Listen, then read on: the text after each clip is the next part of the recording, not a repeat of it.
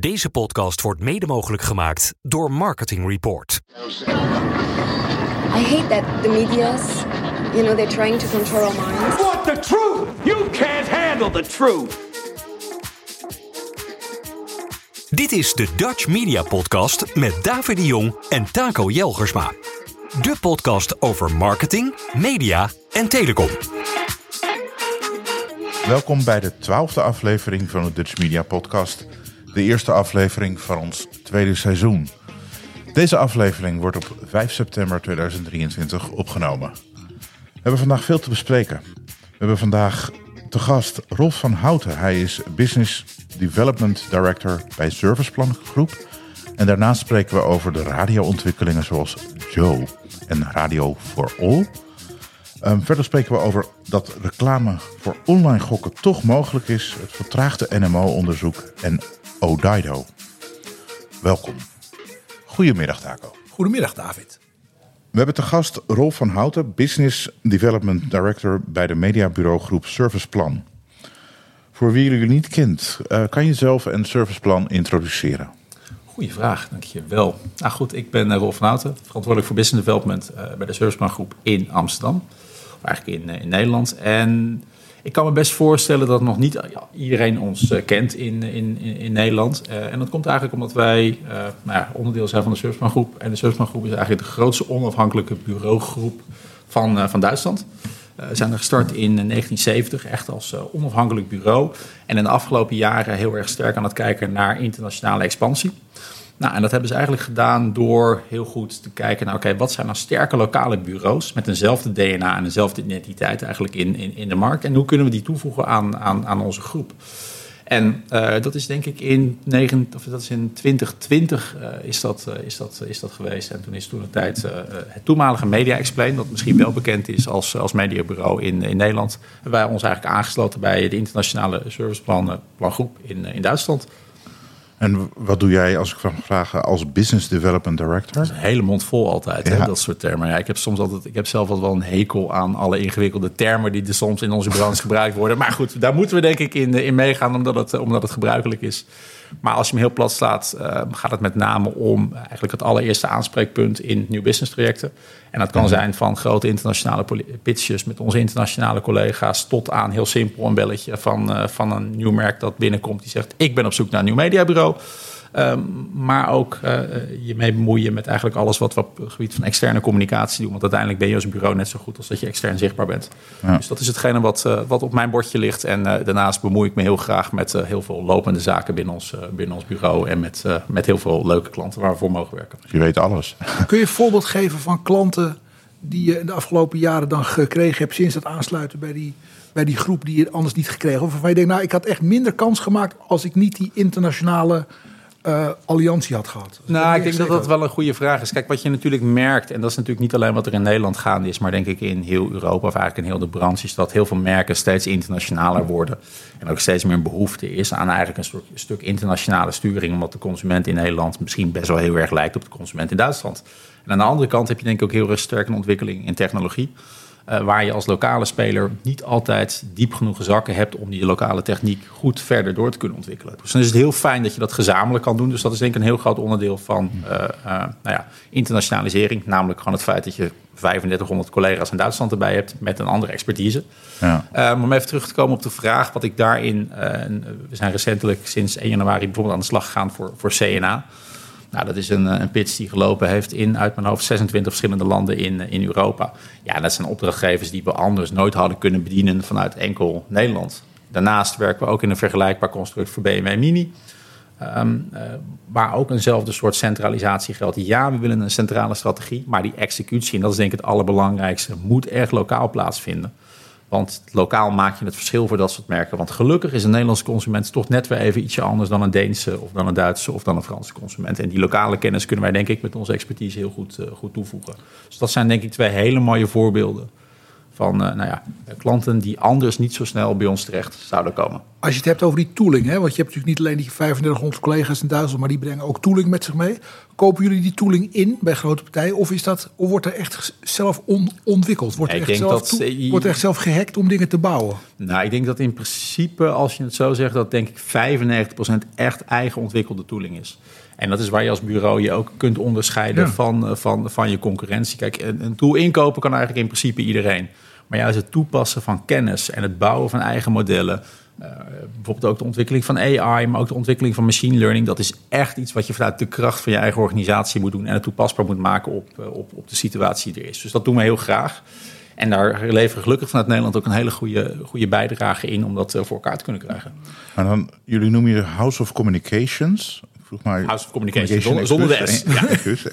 Enkelvoud. Eh, maar tegelijkertijd hebben jullie eh, naast de traditionele mediabureau-functie, hebben jullie ook de reclamebureau-functie. Dus in feite, ja, ik weet, ik weet niet of dat onder House of Communication wordt verstaan, maar jullie bieden, eh, jullie schakelen op meerdere borden, zeg maar. En, of, hoe, hoe, hoe werkt zoiets? Nou, een- terechte vraag die je stelt. Kijk, we, we hebben het over eh, House of Communication. Dat is eigenlijk de plek waar we werken. Eh, we hebben meerdere House of Communication. Uh, wij dan toevallig in, in Amsterdam, omdat we vandaag gesitueerd zijn. Maar bijvoorbeeld ook in München, in eh, Berlijn, in, eh, in Hamburg. Ja. Allemaal, eh, allemaal locaties waar een House of Communication is. En binnen dat House of Communication eh, zijn meerdere labels of meerdere agencies vertegenwoordigd. In Nederland hebben we het dan over Media Plus. Media Plus is ons mediabureau, dus dat is echt eh, verantwoordelijk voor mediaadvisering en mediastrategie. Eh, aan de andere kant van het spectrum Serviceplan. Dat is ons creatieve label, dus dat kun je echt zien als een, als een, als een reclamebureau die zich bezighoudt met alle andere creatieve vraagstukken. En in het midden daartussen eigenlijk als een soort enabler is eh, Planet. En Planet houdt zich met name heel veel bezig op, eh, op, op datavraagstukken. Maar bijvoorbeeld ook op het gebied van CRM of op het gebied van, eh, van website toepassingen. Dus echt als een enabler. Hoe kunnen we nou aan de ene kant de media en aan de andere kant creatie samenbrengen met slimme plannen en met slimme datastromen. En ervoor zorgen dat hetgene wat gemaakt wordt ook daadwerkelijk bij de juiste consumenten terechtkomt. Waar is die ontwikkeling? Kijk, ik begrijp dat je als je in een bepaalde keten zit, dat je probeert om te integreren. Hè? Dat je probeert om, of, of, of hè, dus de, jou, jullie samengang met, met de Duitse collega's, dat is eigenlijk horizontale Ja. integratie. Hè? En het feit dat je ook in de creatie gaat, is eigenlijk verticale integratie. Nou, ja. is die, is die, waar is die begonnen in de industrie? Waar heeft iemand bedacht, we, moeten zelf creatie in huis hebben? Nou, het is denk ik geen moeten. Dat is denk ik wel een hele belangrijke, omdat de verschillende labels of verschillende onderdelen van ons House of Communication afzonderlijk ook even sterk zijn. Dus het is geen gedwongen winkelnering. Het is absoluut niet zo dat je de hele eh, reeks moet afnemen, om het heel eh, plat te, plat te zeggen. Maar wat we op een gegeven moment merkten, en dat is denk ik ook iets wat je in de industrie veel vaker ziet, is dat opdrachtgevers bij ons aankwamen. Zeiden, ik heb een eh, mediabriefing, ja, een mediabureau, ga ermee aan de slag. En dat ze dan exact diezelfde briefing eh, een paar deuren verderop gingen vertellen aan hun creatieve bureau. En dat ze daarna nog even doorreden om het te vertellen aan hun PR-bureau. Ja, toen dachten wij, en dat is natuurlijk niet een hele gekke ontwikkeling, dat kan een stuk efficiënter en kan een stuk makkelijker. Dat kan aan de ene kant zijn door al die bureaus samen te brengen, dus door een gemeenschappelijke briefing te hebben waar je met meerdere bureaus aan de tafel zit. Maar aan de andere kant ook zijn door een klant een stuk te ontzorgen, door te kunnen zeggen, joh, maar als je nou toch dat vraagstuk hebt, dan kunnen wij ook nog wel kijken naar het creëren van die assets. Of kunnen we er ook voor zorgen dat op het moment dat we een goed mediaplan hebben waar een bepaalde banner bij hoort, of een bepaalde eh, printadvertentie, dat we die ook voor je kunnen vervaardigen. En ik denk dat uiteindelijk dat het voor heel veel, zeker voor de merken waar wij voor mogen werken, dat het vaak heel veel een kwestie van ontzorgen is en die regie nemen over hetgene wat ze aan het doen zijn, zodat het bij elkaar gaat optellen. En ik denk dat dat uiteindelijk de meest belangrijke reden geweest is waarom je veel meer integratie ziet op, eh, op, op dat vlak. En soms is het ook best wel een beetje diffuus. Hè? Wanneer heb je het nou over creatie? Wanneer heb je het nou over media? En eh, je wilt het liefst zeker voor merken die niet de allergrootste zijn, dat die elkaar versterken. En dat kan veel makkelijker op het moment dat je daar zelf de regie in, in, in, in, in hebt. En dat is denk ik heel Er fijn. zijn eigenlijk drie die disciplines. Hè?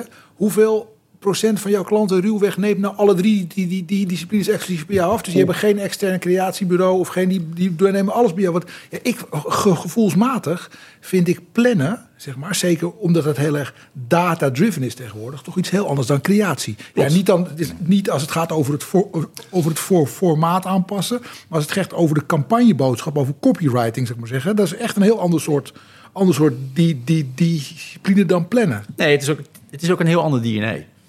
En ook in type mensen alleen Ja. Maar wat je wel ziet, en dat is denk ik hetgene waar het elkaar kan versterken... is dat zelfs creatie ook steeds meer data-driven wordt. Zeker op het moment dat je over digital hebt. Je kunt heel simpel, of zoals je precies hetzelfde, je kunt heel snel de effecten zien van hetgene wat je inzet. En soms kan het dan heel makkelijk zijn, ik sla mij veel plat, om te zeggen, joh, we, we, we, we kijken we passen twee copylines aan en we kijken wat het effect dan is op bijvoorbeeld de klikratio. Of we kijken wat het effect is op de doorkijkratio binnen, binnen YouTube.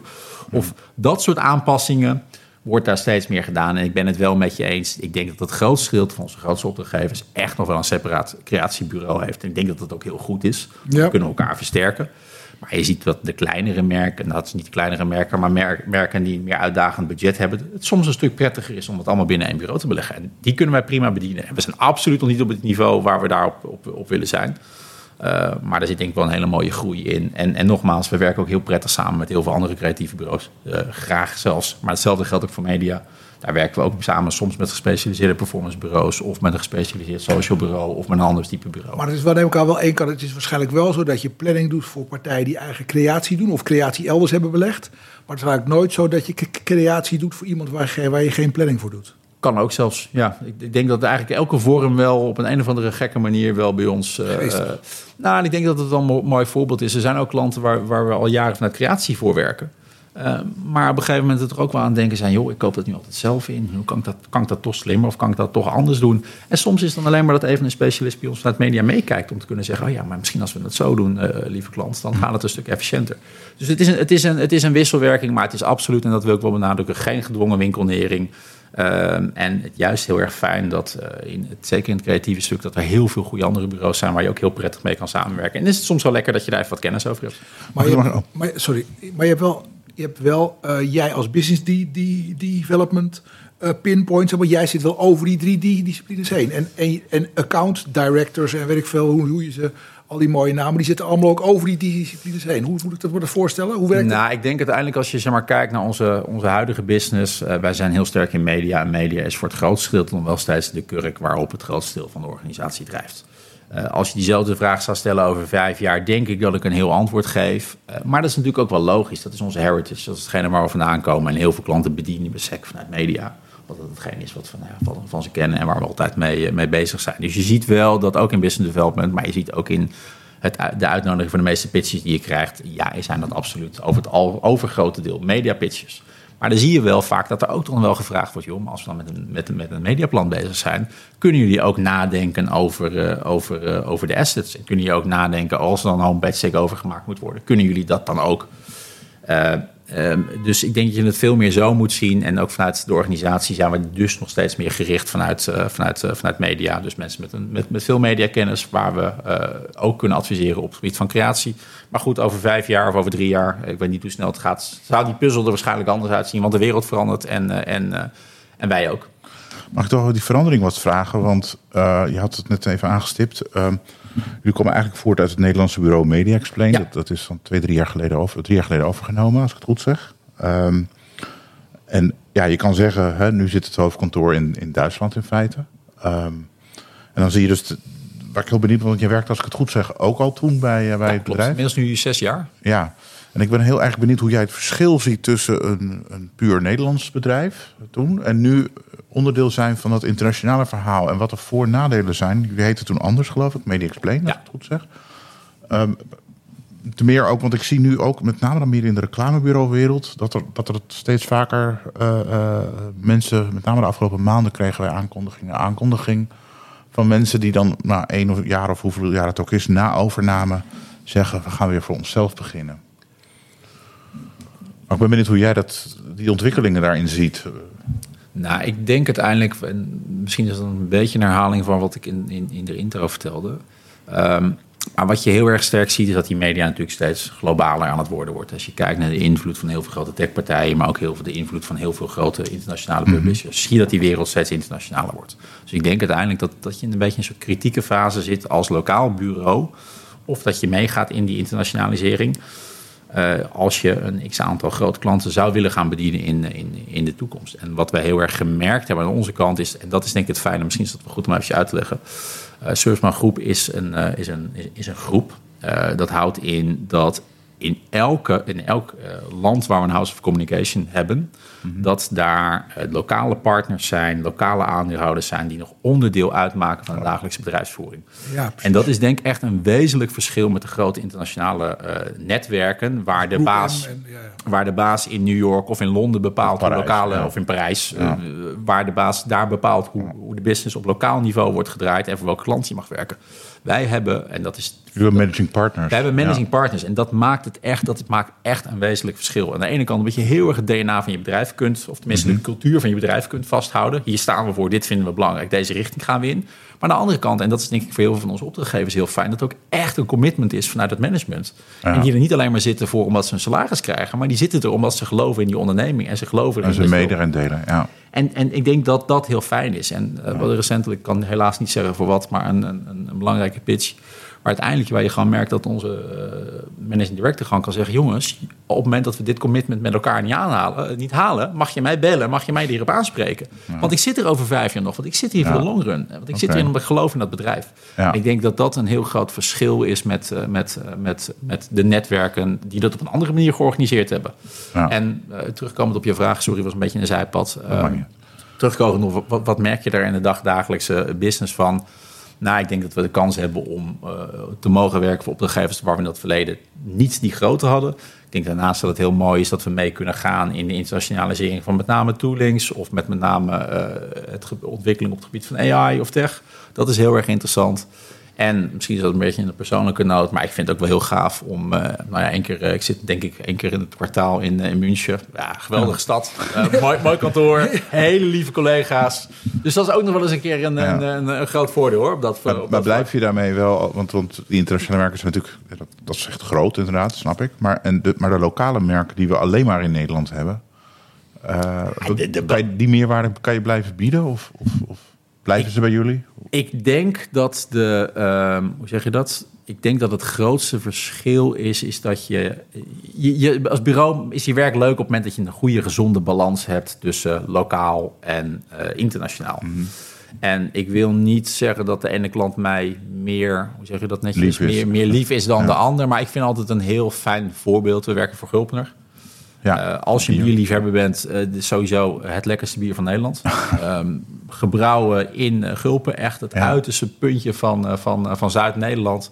En denk ik de meest betrokken... Al, Moeten wij onmiddellijk zeggen dat Heineken en andere biermerken net zo lekker zijn? Daarom. Dat doen niet aan reclame. Als krijg je ja. dat waarschijnlijk voor elkaar. Maar goed, ik, ben ook niet, ik ben ook niet objectief. Ja. Maar wat je daarin merkt... En, dat, dat, en wijn is ook lekker trouwens. Wat, je, wat, je daar altijd in, wat je daar heel erg in merkt... is dat het een bedrijf wat echt... Dat, je, dat is al acht of negen generaties uh, van dezelfde familie zijn betrokken. Zijn dagelijks mm -hmm. betrokken.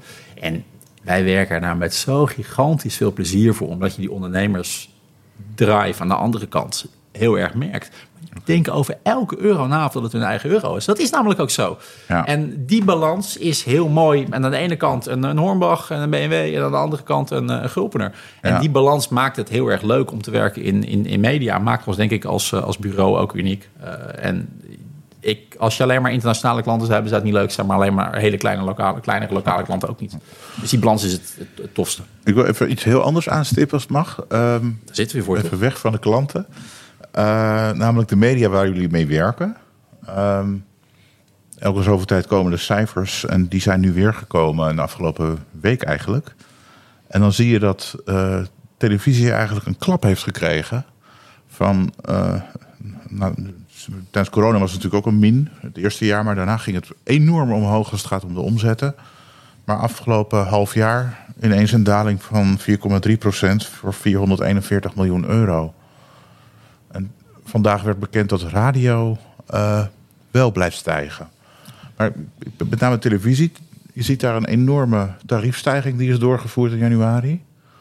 Hoe, zie jij die markt? Wat, wat is daar gaande in jouw. Uh, nou, het is natuurlijk wel een interessante ontwikkeling. Omdat je eigenlijk jaar op jaar ziet, minus de corona-invloeden, waar we toch allemaal net even wat ander gedrag hebben laten zien. Ja. Dan, uh, nou ja, goed. Je ziet het aan de flitsbezorgers, waar we toch allemaal wat ander gedrag hebben laten zien dan Ja. dat eigenlijk wenselijk is. Of dan, uh, weer. Precies, Ja. dan, dan dat je nu weer ziet. Dus wat je, wat je eigenlijk ziet jaar op jaar is dat de.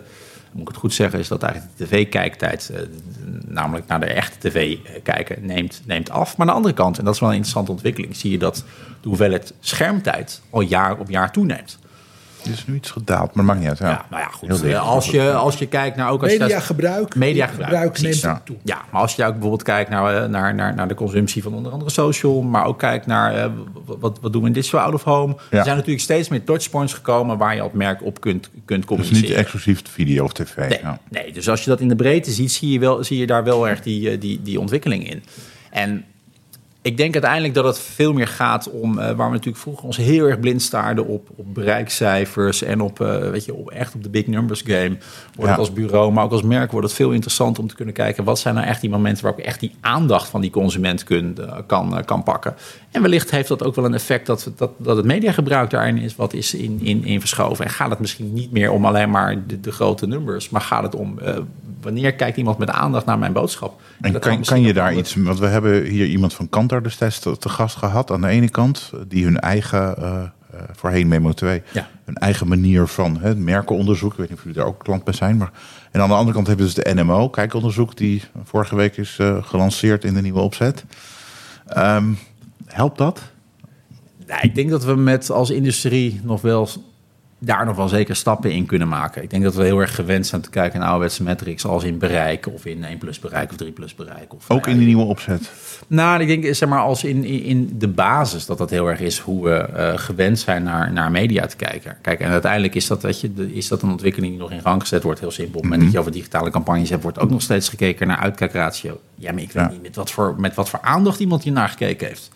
Sterker nog, niet eh, het kan ook zijn dat diegene net even wat anders is gaan doen. En dat zag je natuurlijk in tv ook. Dus het zou veel mooier zijn als we als industrie straks kunnen naar bijna een soort standaard waar we gaan kijken wat is nou de aandacht geweest die iemand naar een bepaalde boodschap heeft gekeken. Dat we dat kunnen verdisconteren in de prijs. En in, in Nou, hoe meet je dat? Maar goed. hebben. Nou ja, dat is, dat, is, dat, is, dat is dan de volgende discussie. Daar zijn natuurlijk wel wat dingen mogelijk op het gebied van eye-tracking of op het gebied van andere soorten zaken. Maar ik denk dat dat in, op termijn veel interessantere metrics gaan zijn om naar te kijken dan puur naar bereik of hoe vaak is mijn eh ABRI eh, vertoond op het straatbeeld of eh, et cetera. En maar heb die- heb je enig idee, ik weet niet of je iets over kunt zeggen, waarom, waarom het zou zo zijn dat in de, we hebben dus de- vanaf 1 juli hebben we dat gokverbod. en ik heb wel Ja. begrepen dat dat, dat, dat Online gok, dat online, reclame. online Reclame gok- voor online gokken, sorry. Reclame voor online gokken. Ja. Eh, ik moet ze online kan spelen zeggen trouwens. Ja. Van, eh, Ja. Michel van der Voort. van Ja. Michel van der Voort. Eh, Screenforce. eh, maar, ehm, eh, dus, dus, dus, dus, dus, dus dat zal effect hebben. Maar waarom er een verschuiving naar radio lijkt te zijn. In ieder geval, waarom blijft radio groeien en daalt eh, li- lineaire televisie? Nou, ik denk dat de radio nooit echt weg geweest is. Ik denk alleen dat de momenten, we hebben natuurlijk nu ook, we, we- het wordt op een andere manier gemeten. Dus je ziet dat je daar ook wel wat verschuivingen krijgt in hoe er, hoe er naar content wordt gekeken. En ik denk uiteindelijk dat dat misschien wel de grootste verschuiving van- in de resultaten heeft. februari inderdaad Precies. dat nieuwe luisteronderzoek. Ja, en ik denk dat dat uiteindelijk, en, en, en nogmaals, dit is niet helemaal mijn expertise. Ik heb veel meer mensen eh, bij ons in team, mensen die deze vraag waarschijnlijk honderd keer beter kunnen beantwoorden. Maar Ja. de bestedingen, de, bes- de, de radiobestedingen stijgen dus. En de, en de, en de, en, de televisiebestedingen dalen. Het gaat Natuurlijk al schaal 1 op 4, hè? Bedoel, Ja, ja. ja. kijk, en wat je, wat, je, wat je natuurlijk wel ziet, en dat is, ik weet niet wat dan de verklaring is, maar het kunnen produceren van een, van een radiospot is natuurlijk ook vele malen kostenefficiënter. En op het moment dat je daarnaar kijkt, kan dat, dat kunnen ook wel eens wat overwegingen zijn waar je ziet, joh, we laten toch die verschuiving. En eh, wat natuurlijk altijd wordt geroepen, eh, tv zit over een heel groot deel vol. Eh, prijzen gaan, gaan een stuk omhoog. Dat zorgt er wel voor dat sommige adverteerders wat huiveriger zijn bij, bij het inzetten. En Maar ook de het economie. beetje Of, nou ja, dat kan. En dat, maar weet je, je merkt natuurlijk wel vaak als je overal hoort... oh, mensen gaan minder kijken, mensen gaan minder kijken, mensen gaan minder kijken... dat het op een gegeven moment zelf, dat is dat een self-fulfilling prophecy wordt... dat mensen uiteindelijk denken, oh, dan switch ik maar naar radio. En dat is soms een hele gekke, dat is soms een hele gekke eh, beweging die je daarin ziet. ja, maar dat is wel ook iets waar ik nog benieuwd naar ben. Want het is niet alleen radio. We hebben natuurlijk nog buitenreclame. We hebben digitaal streaming media. Die tegenwoordig soms ook adverteerders eh, kunnen hosten. En social media.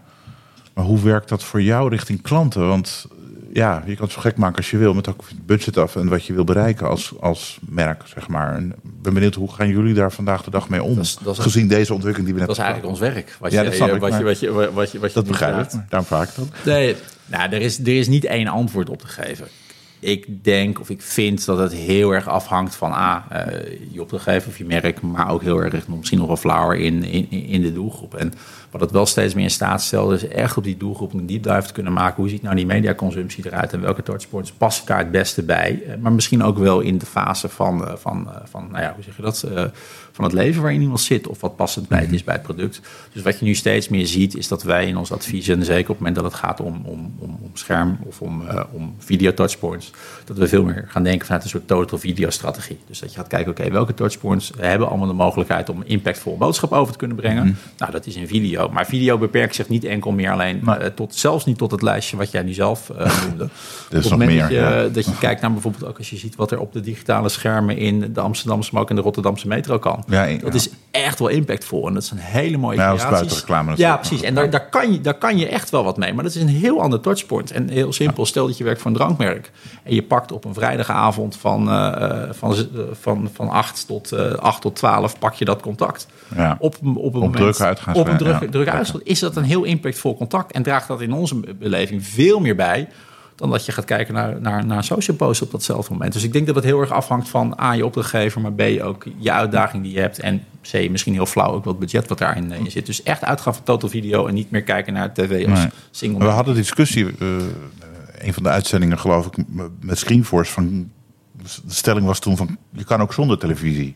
Oh, Hij absoluut. beweerde van niet, Absoluut. maar als je groot merk bent, dat ik kan vraag- wel. Mijn vraag is altijd, kun je een, kun je een hele, hele truttige vraag, maar kun je een, eh, een 2049 AB1 boodschapper met kind bouw- merk bouwen zonder RTV?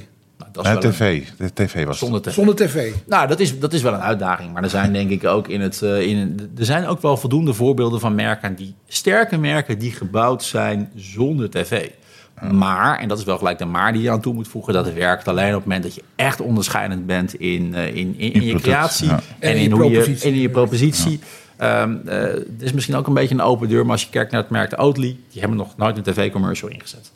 Eh, als je ziet hoe sterk die het merk hebben gebouwd met onderscheidende out-of-home reclame, is dat echt een heel sterk merk. Maar die durven anders te zijn op een verpakking, durven onderscheidend te zijn in de uitingen die ze doen. En dan zie je dat je met, met een, een niet-traditionele mediamix ook impact kunt maken. Eh, maar ja, tv is nog steeds en blijft het grootste bereiksmedium van, van Nederland. En is daar ook heel erg krachtig. Maar goed, er zijn voldoende voorbeelden van merken die het ook zonder tv kunnen. Dus ja, het kan. Betekent het dat jij ook verwacht dat, zeg maar, dat. ehm, eh, waar we in ieder geval de afgelopen jaren nog steeds. toch iedere keer, ieder jaar. we krijgen allerlei nieuwe dingen. Maar de, de waarde die je krijgt voor je euro in RTV. Hè, zeker als je een groter budget hebt. de waarde die je krijgt voor je euro in, in RTV. die blijft gewoon heel erg goed. ten opzichte van. eh, alles wat social is of alles wat. home- denk je dat dat steeds verder zal verschuiven? Denk je dat dat verschil, zeg maar, de, de, de, de, de effectiviteit in relatie tot je campagne-euro, dat die van de televisie steeds verder zal dalen? Dat het, dat het steeds minder onderscheidend zal zijn? Het zou heel mooi zijn als ik hier een eenduidig antwoord op kon geven. Zeker. Maar ik denk dat de complexiteit ook wel in je vraag zit. Van, eh, wat, over wat voor effect hebben we het? Ik denk dat op het moment dat je het hebt over echt het bouwen van een merk... dus dat je gaat hebben over je, over je naamsbekendheid of over je awareness... om het eh, lekker in het Engels te kunnen zeggen... dat tv of RTV daar nog steeds een hele sterke bijdrage aan kan, kan leveren. Maar je ziet wel steeds meer de verschuiving... zeker op het moment dat het veel meer gaat om eh, lower funnel eh, effecten... dus echt op het moment dat het gaat om je sales of je penetratie of andere soorten dingen dat je daarin eh, ook eh, sterk andere medientypes aan toe moet, moet voegen. En dat die misschien soms wel kostenefficiënter zijn. Maar uiteindelijk, en dat is misschien een beetje een flauwe, gaat het om die balans tussen de verschillende medientypes die je inzet. Ik kan me niet voorstellen dat we over vijf jaar eh, alleen maar plannen maken zonder televisie. Maar ik kan me wel voorstellen dat die, die mix er heel anders uitziet. Als ik naar mijn eigen tv-consumptie kijk en dan zeg ik tv, maar ik bedoel eigenlijk is het, is het video on demand. Ja, want dat wilde ik inderdaad zeggen. Dat- dat- Op dit moment is Disney Plus en Netflix zitten in Nederland nog niet met reclamemodellen. Misschien komt het op een dag? Of, of denk zie je daar kansen ook voor? Want in andere grote landen doen ze Nou ja, het wel. eh, we werken veel, wat ik net zei, met onze Duitse collega's samen. Ja. Daar, daar lopen op Netflix allerlei trials. Het is nog wel heel duur, maar wel extreem... maar het is aangekondigd nu officieel dat het echt eh, uitgerold gaat worden. wel extreem impactvol. En uiteindelijk is dat, en dat is misschien een beetje een, eh, is dat een eh, semantische discussie. eh, wat is tv?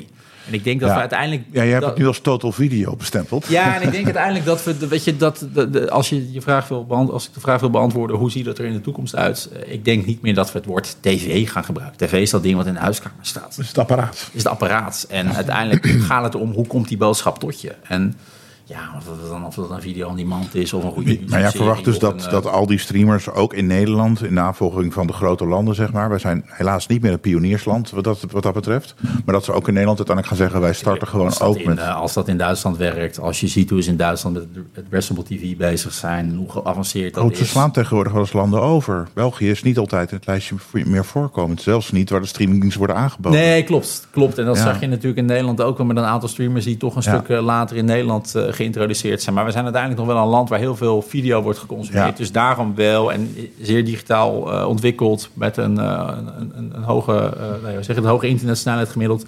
Dus wij zijn als markt denk ik daar wel heel erg interessant voor.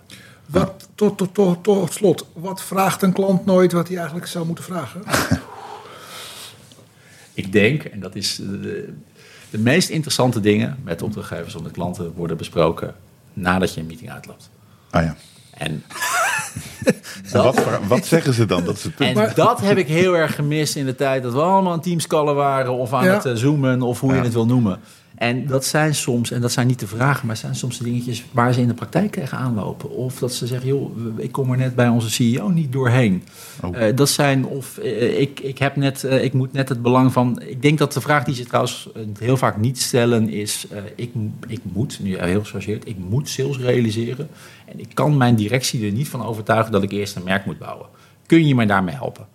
En ik denk dat dat de meest niet gestelde vraag is, maar die je soms wel tussen de briefings door een beetje ziet. Dat, dat, dat- je, je, je, je voelt dat dat de uitdaging van de klant is, maar hij durft het niet te zeggen. Ja, omdat het toch een beetje... Gênant is. Nou ja, om, om- weet je, ik, ik denk dat vaak met de mensen waar we mee spreken, dat dat marketeers zijn. En marketeers het belang snappen. Maar soms eh, daar iemand op directieniveau van moeten overtuigen. Ja, ik stop nu wat in mijn merk. En dat gaat niet morgen renderen, ook niet overmorgen, maar over een half jaar. En dat is denk ik in de red race, zeker waar we op dit moment zitten, is dat soms best wel een, eh, is dat best wel een lange, eh, nou is dat best wel een uitdaging. Ehm, dus ik denk dat dat de meest niet gestelde vraag is. Eh, en als die wel gesteld wordt, willen we daar prima mee helpen. Dank. Dankjewel. Dank jullie wel. De Dutch Media Podcast. Informatie en een mening met een bite. Joe ging van start op vrijdag 1 september. Het was de lang verwachte start van de tweede zender van DPG Media naast Q-Music. Vooralsnog zijn daar eigenlijk Q-Music jogs te horen, want ze zoeken nog eh, definitieve invulling. Maar het format staat vast, 70er jaren, 80er jaren en 90-jarige muziek gericht op 40ers. Maar er is meer gebeurd op 1 september, want Slam die heeft toch nog een trucje gevonden om in de Randstad te blijven uitzenden op FM Ja. en regionaal kavel.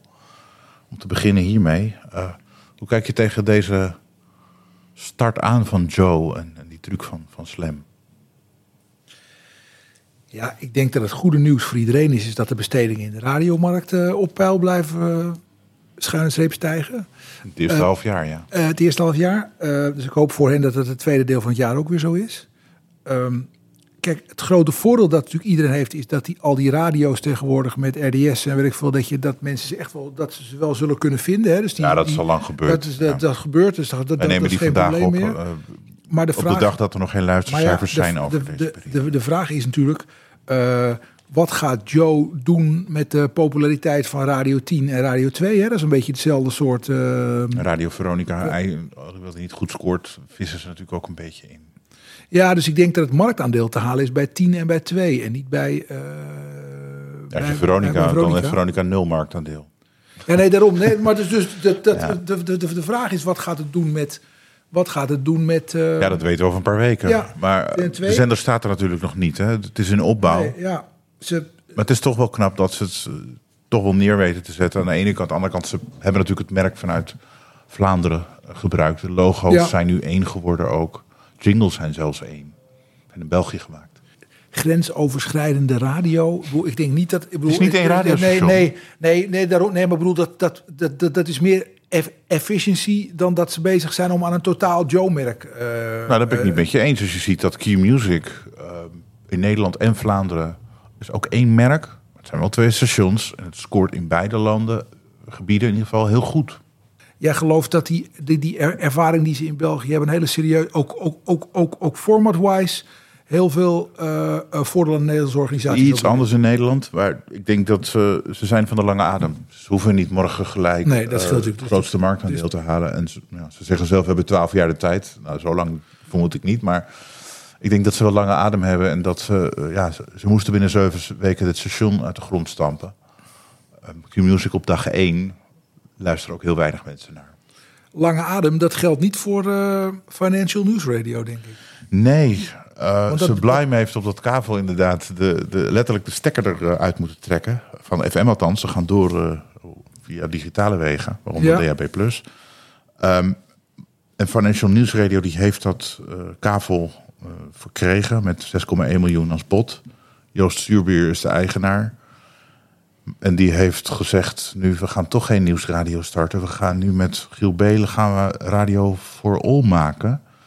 Waarbij in feite een soort van elk uur een ander format. Of iedereen mag, mag, mag zich aanmelden voor wat dan ook. En dat wil hij dan in november slash januari. Want in, op 1 december moet er iets worden uitgezonden. Anders dan... Ja, je moet, je moet hem in niet gebruik, qua ge- eh, gebruik nemen, staat in de Ja. voorwaarden. Dus ja, het is heel erg onduidelijk wat het nou precies zal behelzen. Ja, Eh, ik- en hoe dat businessmodel in elkaar Ja, zit. Dit, dit, moet, dit moet eindigen in een overname door een andere partij of in een drama. Want het, even, die, die, even, het is natuurlijk heel zuur voor BNR, hè, denk ik. Want ik denk, ze hebben natuurlijk echt wel die prijzen op, op, ja, maar dat, in zie je nu wat anders in per... die veiling. Nee, maar even, sorry. heb Die veiling opgedreven. Maar nu, als je dus nu begint met een, je begint dus met een heel nieuw merk. Wat toch best wel een beetje onduidelijk format heeft. Waarvan we denken dat het toch zal overlappen met bestaande dingen. Daar moet je een heel nieuw merk bouwen. Daar moeten Ja. mensen naartoe. Daar moeten mensen op gaan afstemmen. Die ja, moeten nu gaan luisteren. Die Met die-. Die eerste 6 miljoen voor die frequentie, dat is veel geld. Het is geloof ik nog een half kavel ook eigenlijk. Hè? Het is, is 50% het heeft- dekking Het heeft maar 50% FM-dekking. En nu moet je een radiomerk gaan bouwen. Ja, die 3 In- miljoen heeft hij al moeten betalen, in- de helft. En over een jaar nog eens 3 miljoen. Ja, ik, eh, ik denk dat het voor die... eh, ik denk dat het voor die de tweede tranche betalen moet, eh, dat er een andere wending is. Ja, de, in, in de radiomarkt wordt heel erg ge- gespeculeerd over... heeft hij toch misschien van tevoren geprobeerd om dit te verkopen... en is dat mislukt en nu moet hij wat. Ja, heeft hij geprobeerd om, om een transactie te doen met de transactie? Ja, ik, ik vind het... en, maar ja, als ik als weet dat DPG Media, die wil dit niet hebben. Die heeft die in, in een gesprek dat ik gehad heb, zei eh, de directeur tegen mij... wat moet ik met dat kavel, dat wat in licentiekosten al zoveel kost... dat ga je nooit rendabel maken. Nee, maar, ik, maar ik denk dat die 6 miljoen hè, voor, voor 50% dekking. eh, je, moet, je moet een merk bouwen, je moet een radiomerk. Wat, wat, zie, je niet, wat zie je ja. niet aan billboarding en werk van, van de, van de Q-Music? De hele dag zie je overal Ja. abris en dingen. Om Ja, dat heeft Joe maar- nu ook gedaan. Joe ook. Om die mensen maar naar, die, naar dat station te krijgen. En dat van, helemaal vanuit niks bouwen. Ja. Met, Kijk, wat er eh, met- gebeurd is- Met Giel Belen, wat overigens natuurlijk iemand is met een groot, met een groot ver- verleden, maar nou niet zoveel recente eh radiosucces. Hij heeft wel als presentator natuurlijk heel veel gedaan... maar niet als directeur en als, als maker Nee, van een, radio, heel radiostation. Dat is een dat is ander verhaal. Want je moet, je moet zo'n radioshow moet je natuurlijk, die moet natuurlijk zijn eigen. Het moet, het moet niet alleen een format zijn. Bij dat format hoort ook een soort sound, zal ik maar zeggen. Hoort iets waar, Ja, waar maar, maar mensen. dat is totaal onduidelijk nu. Anders dan dat er meerdere formats naast elkaar als een soort salto, maar dan landelijk. Nee, maar het zoals lijkt- de lokale omroep Nee, van maar Amsterdam, waar dat gebeurt. het lijkt er inderdaad bijna op dat dit een soort eh, eh, ad hoc beslissing achteraf geweest. Om dan maar toch niet. Hè, dus eerst gedacht hebben, nou we bieden op die frequentie, die raken we wel kwijt. Eh, eh, dat gedaan onder de noemer, het wordt financial radio. Waarvan iedereen dacht, nou BNR, BNR dat gaat. Maar dat gaat eigenlijk alleen maar omdat het tegen het FD aanstaat. Hè. Dus in, in die synergie werkt het. Maar standalone is BNR een hele moeilijke case. En dan in die markt nog een keer beginnen. Ik, ik DPG Media en. Mediahuis hebben helemaal niets gezien in nieuwsradio trouwens. In Nederland. Maar goed, wat er gebeurd is, is ze hebben dus ook op het, eh, op het nieuwskavel geboden. Als gevolg daarvan moet BNR Nieuwsradio ook een behoorlijk bedrag betalen. En die is onmiddellijk aan het bezuinigen geslagen per, ja, eigenlijk per 1 september. Ja, 10, eh, 10, 15 mensen eruit heb ik zelfs begrepen. Ik heb vooral programma's gezien. Eh, je hebt nu eh, dat er zelfs in de middag herhaald wordt en niet meer live wordt, wordt uitgezonden. Dat vind ik toch jammer van een nieuwsradiostation. Het is, het is, eigenlijk heeft het alleen maar tot uitholling van BNR ge- ge- ge- geleid. En dat is eigenlijk het enige onderscheidende station. De Dutch Media Podcast. Elke twee weken in je favoriete podcast-app. We gaan, we gaan door met iets anders. Ehm, want wij dachten met z'n allen dat de reclame voor online gokken toch echt een beetje voorbij zou zijn. Ja, het viel ons beiden eigenlijk al op dat het niet zo is. Eh, want niets is minder waard. De minister heeft eigenlijk een achterdeur opengehouden, zo blijkt. En ehm, dan kan het eh, toch nog zo zijn dat je gewoon via website, via apps of, of andere manieren reclame kan blijven maken voor online gokken. Zelfs de publieke omroep AT5 doet dat. Nou, toen dacht ik, wat is hier aan de hand? Laat ik toch eens wat vragen stellen Ja. aan een paar eh, mensen die dat eh, beter weten dan Zij eh, zei, hoi met David, hoe werkt dat? Ja, de kansspelautoriteit heb ik benaderd en AT5. Nou, wat blijkt? Als je dus, en ik heb ook de regels op nageslagen, wat blijkt als je met behulp van de best beschikbare technieken aantoont dat tenminste 95%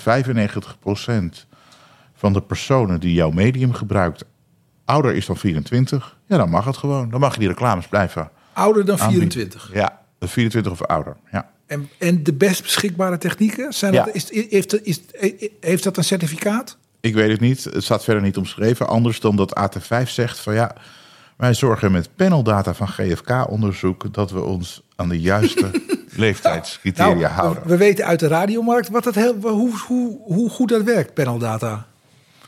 Nee, goed, en de- Bleken maar de helft van de luisteraars te zijn. wat ik dan interessant vind, is dat de kansspelautoriteit zegt dan weer van ja, dat ligt dan bij de adverteerders, dus die kansspelaanbieders, Ja. dat zij maar de juiste doelgroep moeten, moeten aanboren en aantonen. Iemand zei tegen mij van, die ertoe doet trouwens, van ja, dit krijg je natuurlijk als je geen totaalverbod doet. Dan krijg je uiteindelijk dat die reclames toch blijven met een, met een rechtvaardiging. Ja, we- Conclusie, er is goed gelobbyd. kan je zeggen. Ja, op televisie is het lastiger, maar met, met alle digitale uitingen is dat misschien wel op deze manier eh, te ondervangen. Ik zie op, bij SBS ook nog steeds veel boarding van Unibet volgens mij. Bij, eh, Ja, sponsoring mag nog wel, hè, twee jaar lang. mag ik gewoon ook televisie doen? Als ik mag zeggen, op dat tijdstip kijken er alleen maar... Als je Kijken het kan aantonen. is 95% van de kijkers 24 jaar of ouder. Ja, als je het kan aantonen. Je bent er stil van. Ja, ik vind het is... Dit zal vast wel weer in de Tweede Kamer terugkomen. Dit is, dit is natuurlijk... Er gaan natuurlijk, komen natuurlijk twee soorten cijfers ergens over binnen, binnen een jaar of zo. Namelijk, is het aantal gokkende mensen toegenomen of afgenomen... ondanks of dankzij het ver- verbod? En dan gaat deze discussie natuurlijk opnieuw oplaaien. We gaan het zien. Officieel persbericht of gewoon iets te klagen of te lekken?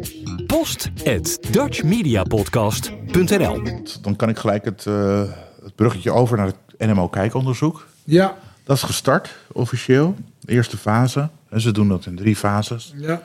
En Kantar doet dat met eh, nieuwe kijkkastjes. Straks, eh, volgend jaar is het ook de bedoeling dat eh, internetvideo's en buitenshuis worden gemeten. Ehm dan wordt ook het internetgebruik van de mensen eh, via een eh, kastje aan de, aan de, aan de wifi-router wordt dan verbonden. Nou, dit is op zich eh, allemaal redelijk bekend, maar wat wel geleid heeft tot wat ophef, is dat de kijkcijfers, die hadden we altijd van gisteren. Ja. Dus volgende morgen half acht Ja. kon je weten wat er gisteren bekeken wordt. Kon iedereen weten althans. En nu kan alleen zeg maar de mediabureaus en De zenders, eh, niet producenten. producenten, maar alleen bepaalde mensen hoor. Maar goed, die kunnen dat nog zien. Die delen het wel rond, maken hun eigen staatjes, delen het rond of sturen het rond. Maar ieder ander die moet een week wachten voor eh, dat je die cijfers hebt vanuit de redenatie. Ja, alle, alle terugkijk, eh, We hebben natuurlijk de rel gehad on-demand eh, zaken, die moeten, die moeten eerst verwerkt worden voordat we die definitieve cijfers kunnen presenteren. Was in het verleden ook, met dat verschil dat natuurlijk de kijkcijfers van gisteren wel werden meegenomen. Nou, er is natuurlijk altijd wel iemand Wat is, nou de, die denkt van... wat is nou de basis van dit idee? Dat een programma wordt afgekraakt omdat er weinig mensen keken? Is dat, is dat, eh, is dat de frustratie? Dus er is op maandagavond een nieuw programma. Ja, het idee is, schrijft- het is niet eerlijk om alleen maar naar gisteren te kijken als er nog zes dagen lang eh, eh, teruggekeken kan worden. Maar waarom is het niet eerlijk? Omdat er nog 30%, zeggen ze, tot 30% bij kan komen in het aantal kijkers. Ja, dan publiceer je dan weer cijfers. Zeg je, Dat nou, doen ze luister, ook. Ja, nou, Maar de- ze, ze zijn bang dat dan inderdaad programma's worden afgekraakt op basis van alleen gisteren. Maar wat, wat ik er nog ja, over maar je krijgt nu journalisten die gaan schrijven... Nou, we hebben de cijfers niet, maar ik kan me niet voorstellen dat er iemand gekeken heeft. Nou, dat laatste, daar heb ik dus op ingaan. Nee, maar we hebben de cijfers niet. Er is dus iemand die er lekker tegenin gaat. Tina Nijkamp. Tina Nijkamp inderdaad. En die zegt van, nou, ik heb de cijfers toch wel. Maak je niet druk. Het wordt ook gewoon nog steeds naar mij gemaild. Eh, als, binnen al die bedrijven is er vast wel altijd wel iemand die denkt... nou, weet je wat, Tina, alsjeblieft. Of wie het ook mogen zijn. Dus die, die is in eerste instantie is ze begonnen met dat te publiceren op Instagram. Daarna was ze even gestopt. En nu is ze toch weer elke dag doet ze een top 3 of, of, of wat het is. Ze publiceert een aantal Op- cijfers op- wel. Opvallende dingen. Ja. Duitse geloof Nou, daar is, eh, dit is allemaal op initiatief, niet eens van het NMO zelf, maar van RTL, RTL Nederland, NPO en Talpa Network. Die hebben dat eigenlijk eh, met z'n drieën gezegd Bedacht. van, van Ja. dat moeten we niet meer doen, de kijkcijfers van gisteren. Er zijn zelfs kamervragen gesteld eind juli door de VVD.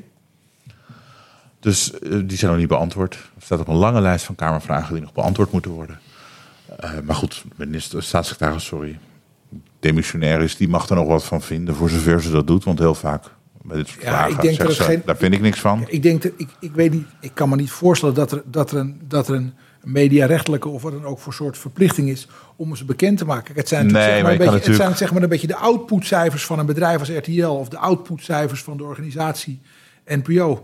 En als zij die geheim willen houden, Ja, je kan natuurlijk wel. dan, in- zal het, dan zal dat In wel theorie mogen. kan, kan de staatssecretaris middels de prestatieovereenkomst... zou ze het op termijn kunnen verplichten dat het wel openbaar moet voor de NPO.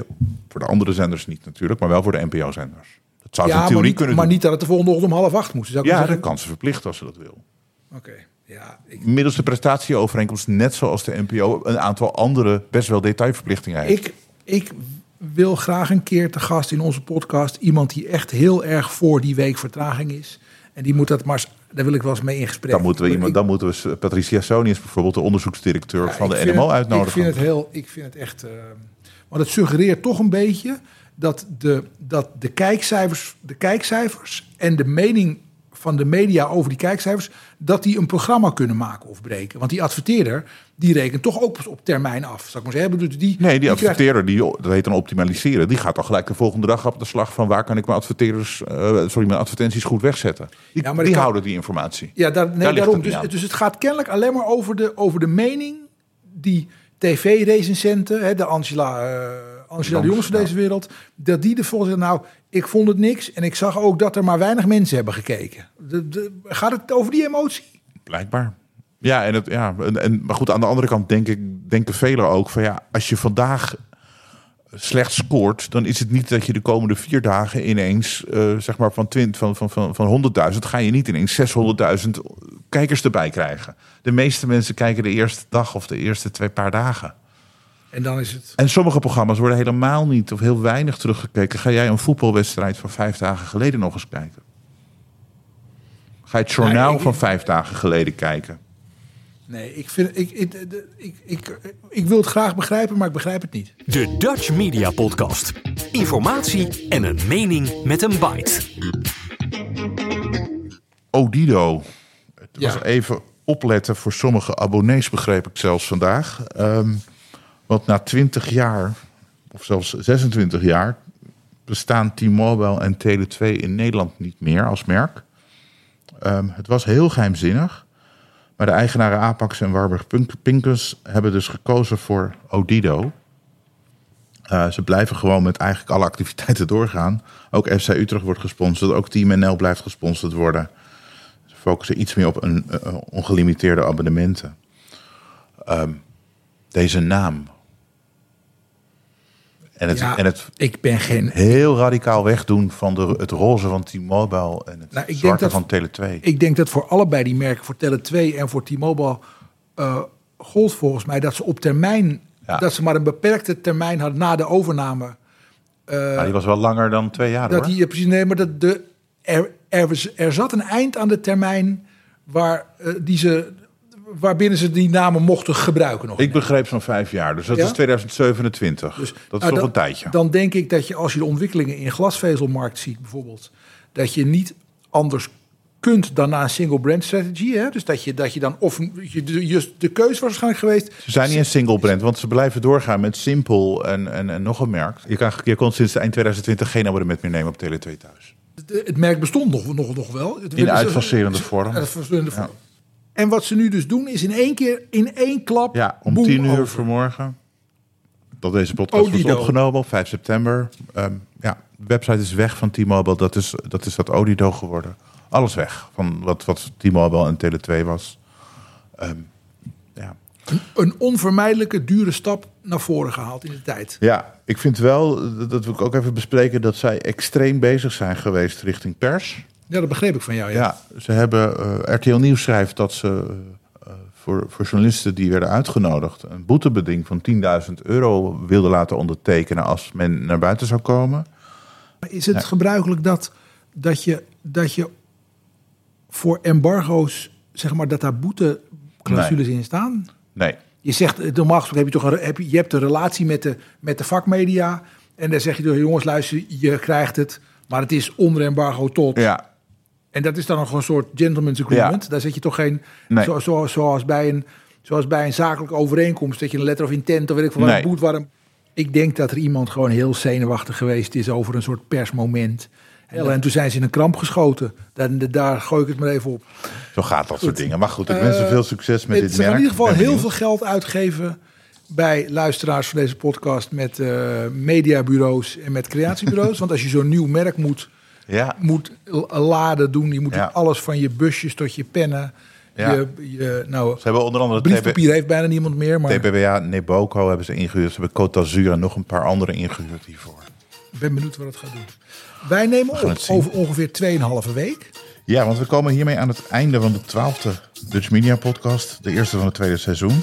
Heb je vragen? Stuur ons een e-mail naar podcast.dutchmedia.nl. Wij zijn er over circa twee weken weer. Tot dan. Tot dan, David. Bye.